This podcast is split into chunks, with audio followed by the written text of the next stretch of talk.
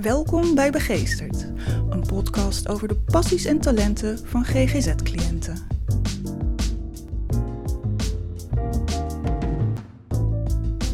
Peet is beeldend kunstenaar. Ze kampt met depressies en haar werk weerspiegelt haar gemoedstoestand. Maar soms gaat het gewoon om het plezier van het maken. Zit jij comfortabel? Ja, ik zit nu goed, ja. Ehm, kan je beginnen met jezelf even voor te stellen? Uh, ik ben Peet Bouwens en uh, ik ben beeldend kunstenaar in Arnhem. Ik ben uh, al reeds 55 jaar en 25 jaar geleden afgestudeerd. En zo lang ook al heb ik mijn, met een vies woord beroepspraktijk. Ja. Ik zie hier op tafel allemaal huisjes liggen en wat uh, van het gras dat ze bij modelsporbanen gebruiken. Wat ben je aan het maken op dit moment? Um, ik ben op dit moment uh, een hele serie werk aan het maken. Je kan daar in de vitrine ook kijken, daar zijn er een paar af. Dat zijn model, inderdaad modelspoor uh, huisjes, um, helemaal bedekt met mos. Dus als het ware zijn ze helemaal overgroeid. Uh, vaak met een lichtelementje erin, bijvoorbeeld een één lantaarnpaaltje. Um, en ja, het is een, in het licht valt het wel mee, maar zeker als het een beetje wat donkerder wordt, is het dat lampje aan dan krijgt hij, dat huisje krijgt zo'n lichtbubbel. Uh, waardoor het een soort van geïsoleerd werkje is wat gaat over ja, tijd die voorbij gaat, alleen zijn of ook uh, rust. Kan natuurlijk ook. Ja. Ik zie dat er eentje op pootjes staat en de ander staat op een soort sokkeltje. Wat ja. is dat? Die op pootjes, uh, die heeft ook echt voetjes. Dus die, het is eigenlijk best een veelgebruikt beeld, zo'n huis op voetjes. Um, dus het gaat ook over in beweging blijven. Uh, wat als huis, hè, dat lijkt lastig, maar het kan. In mijn optiek kun je met je hele basis, zeg maar, gewoon langzaam of soms wat sneller in beweging blijven of komen. Ja. En waarom wou je dat verbeelden, een, een basis die in beweging komt?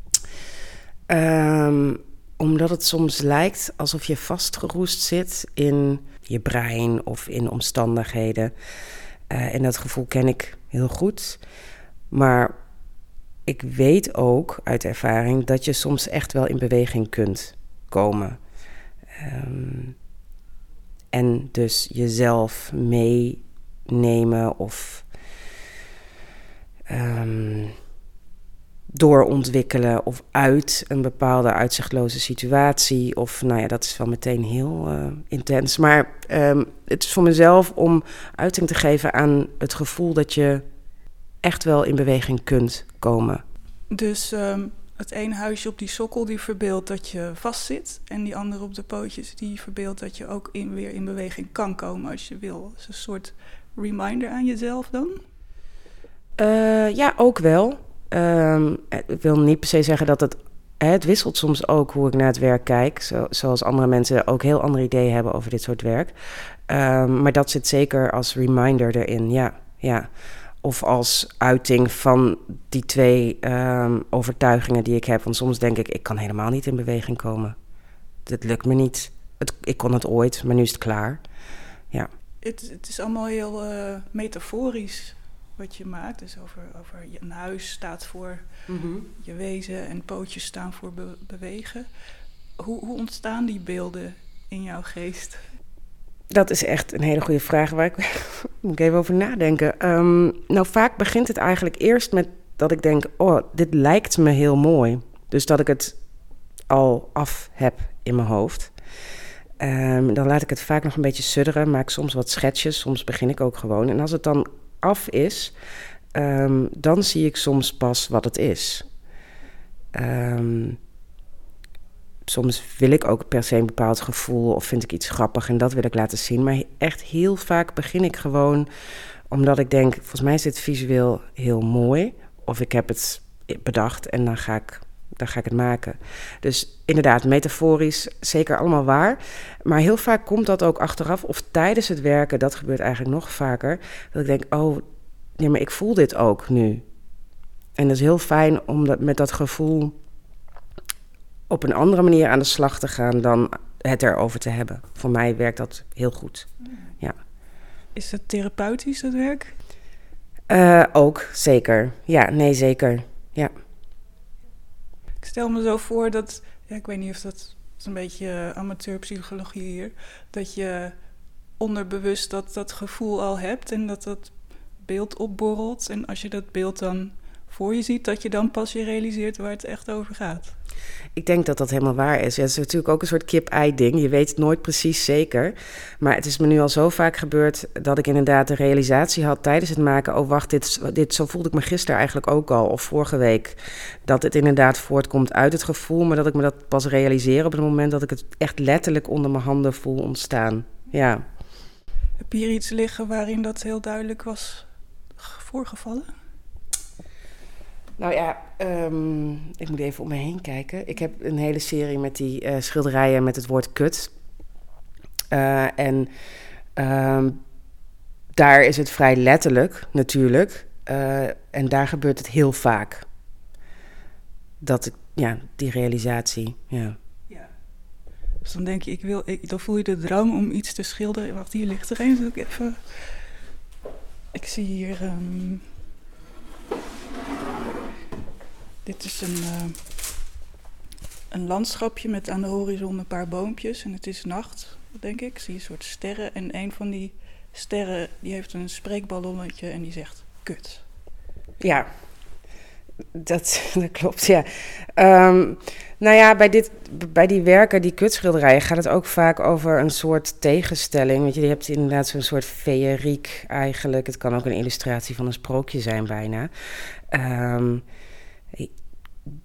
ik weet niet of je dat gevoel kent. Dat je, je zit, je zit bijvoorbeeld hier aan de Rijnkade en je kijkt en de zon gaat onder. En op de, op de een of andere manier is toch.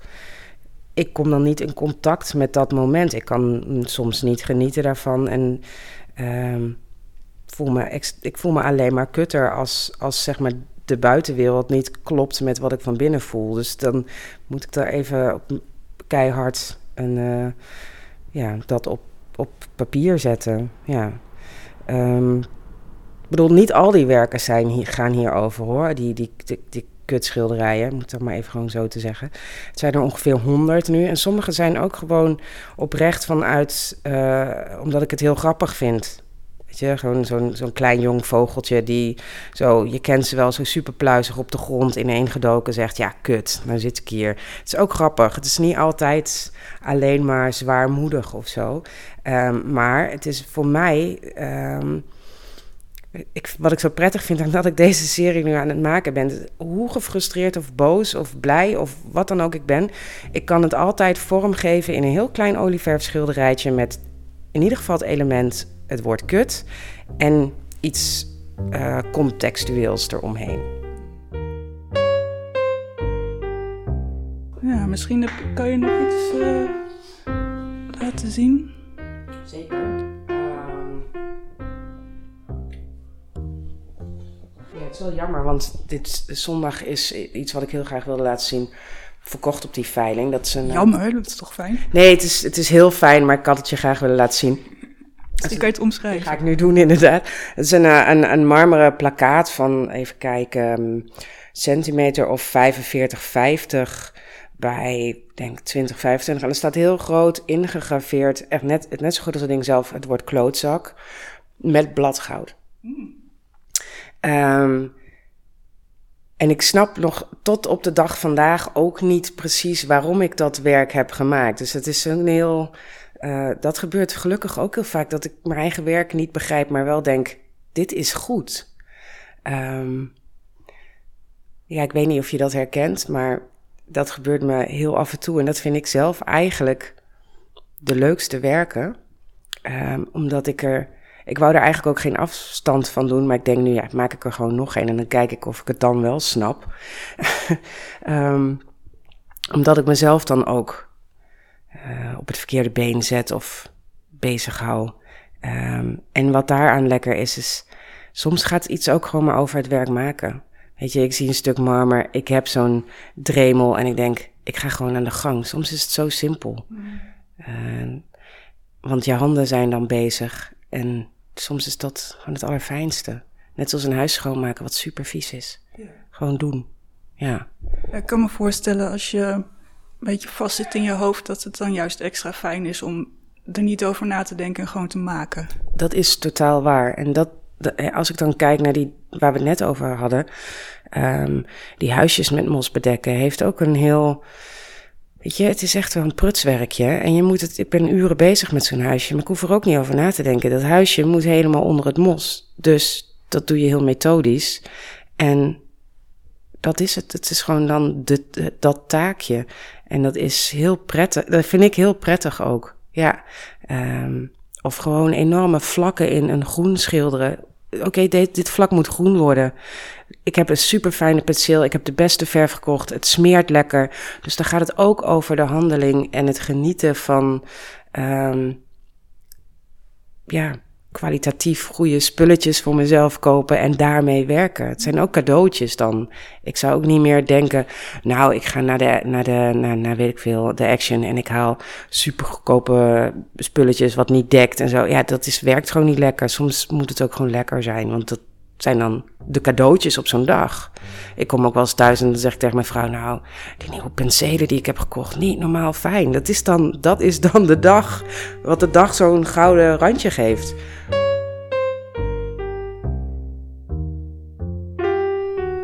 Is het zo dat kunst een niveau van bewustzijn aanboort... dat uh, ja, anders is dan het rationele... en dat het daarom soms niet te interpreteren is... en soms op verschillende manieren. Nou ja, dat denk ik zeker. Ik denk zeker dat ook kunst, en dan pak ik de muziek er eigenlijk ook maar gewoon even bij, en poëzie en literatuur, gewoon dat hele stuk. Um,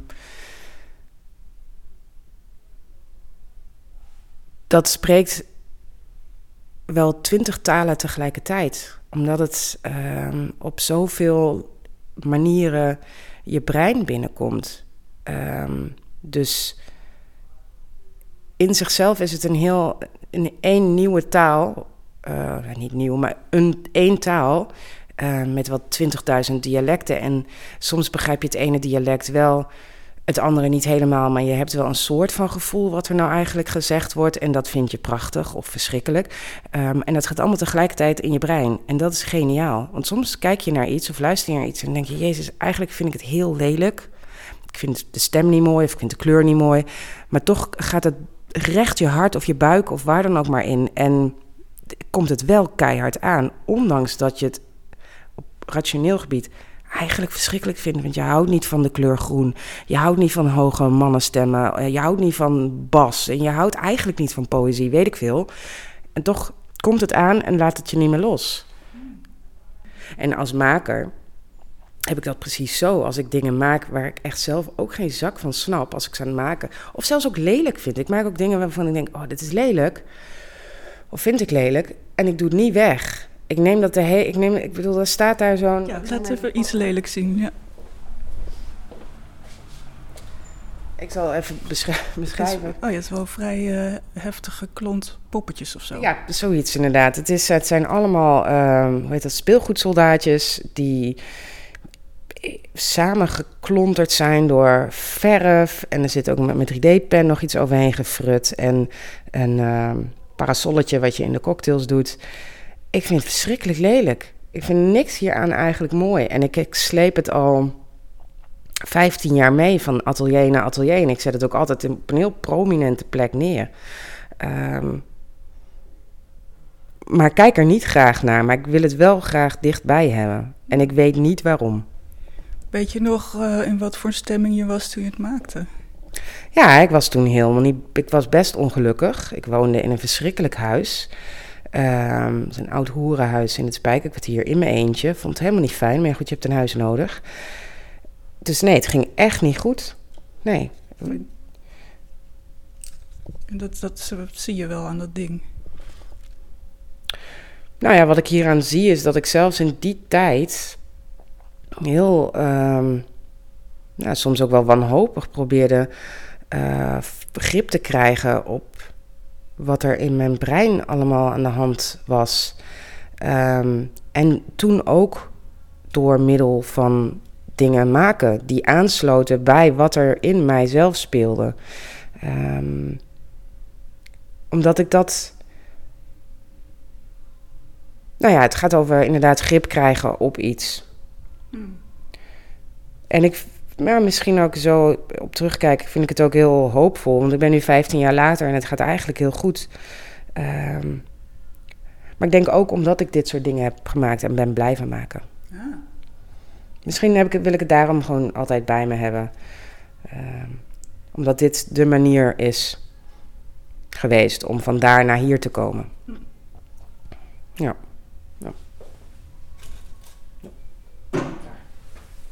Want als ik kijk bijvoorbeeld deze, deze is, die is van 15 jaar geleden. En nu heb ik hier één los speelgoedsoldaatje met bladgoud en weer zo'n parasolletje. En die vind ik heel mooi. Mooi klein poëtisch werkje. Die heeft iets triomfantelijks, vind ik. Ja, dat is inderdaad goed. Ja, dat vind ik ook. En als je het dan zo bij elkaar zet, die, die lelijke blob. en diegene die het dus gehaald heeft, zoiets. Ja. Nou, je zegt, je hebt die, die lelijke blob gemaakt om grip te krijgen op een moeilijke situatie waar mhm. je in zat. Um, is kunst, lukt dat altijd? Of zijn er ook periodes geweest dat, het, dat zelfs dat niet lukte? Nou, ik ben nooit opgehouden met maken. Ook niet toen ik echt uh, heel diep zat. Um,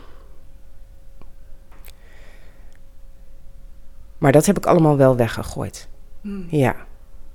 Um, dat was meer zoals je tegen een bokzak aanslaat dan iets anders. Hmm.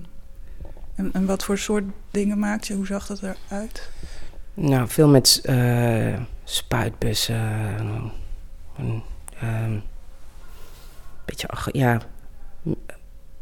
een soort action painting dingen eigenlijk dan wat anders.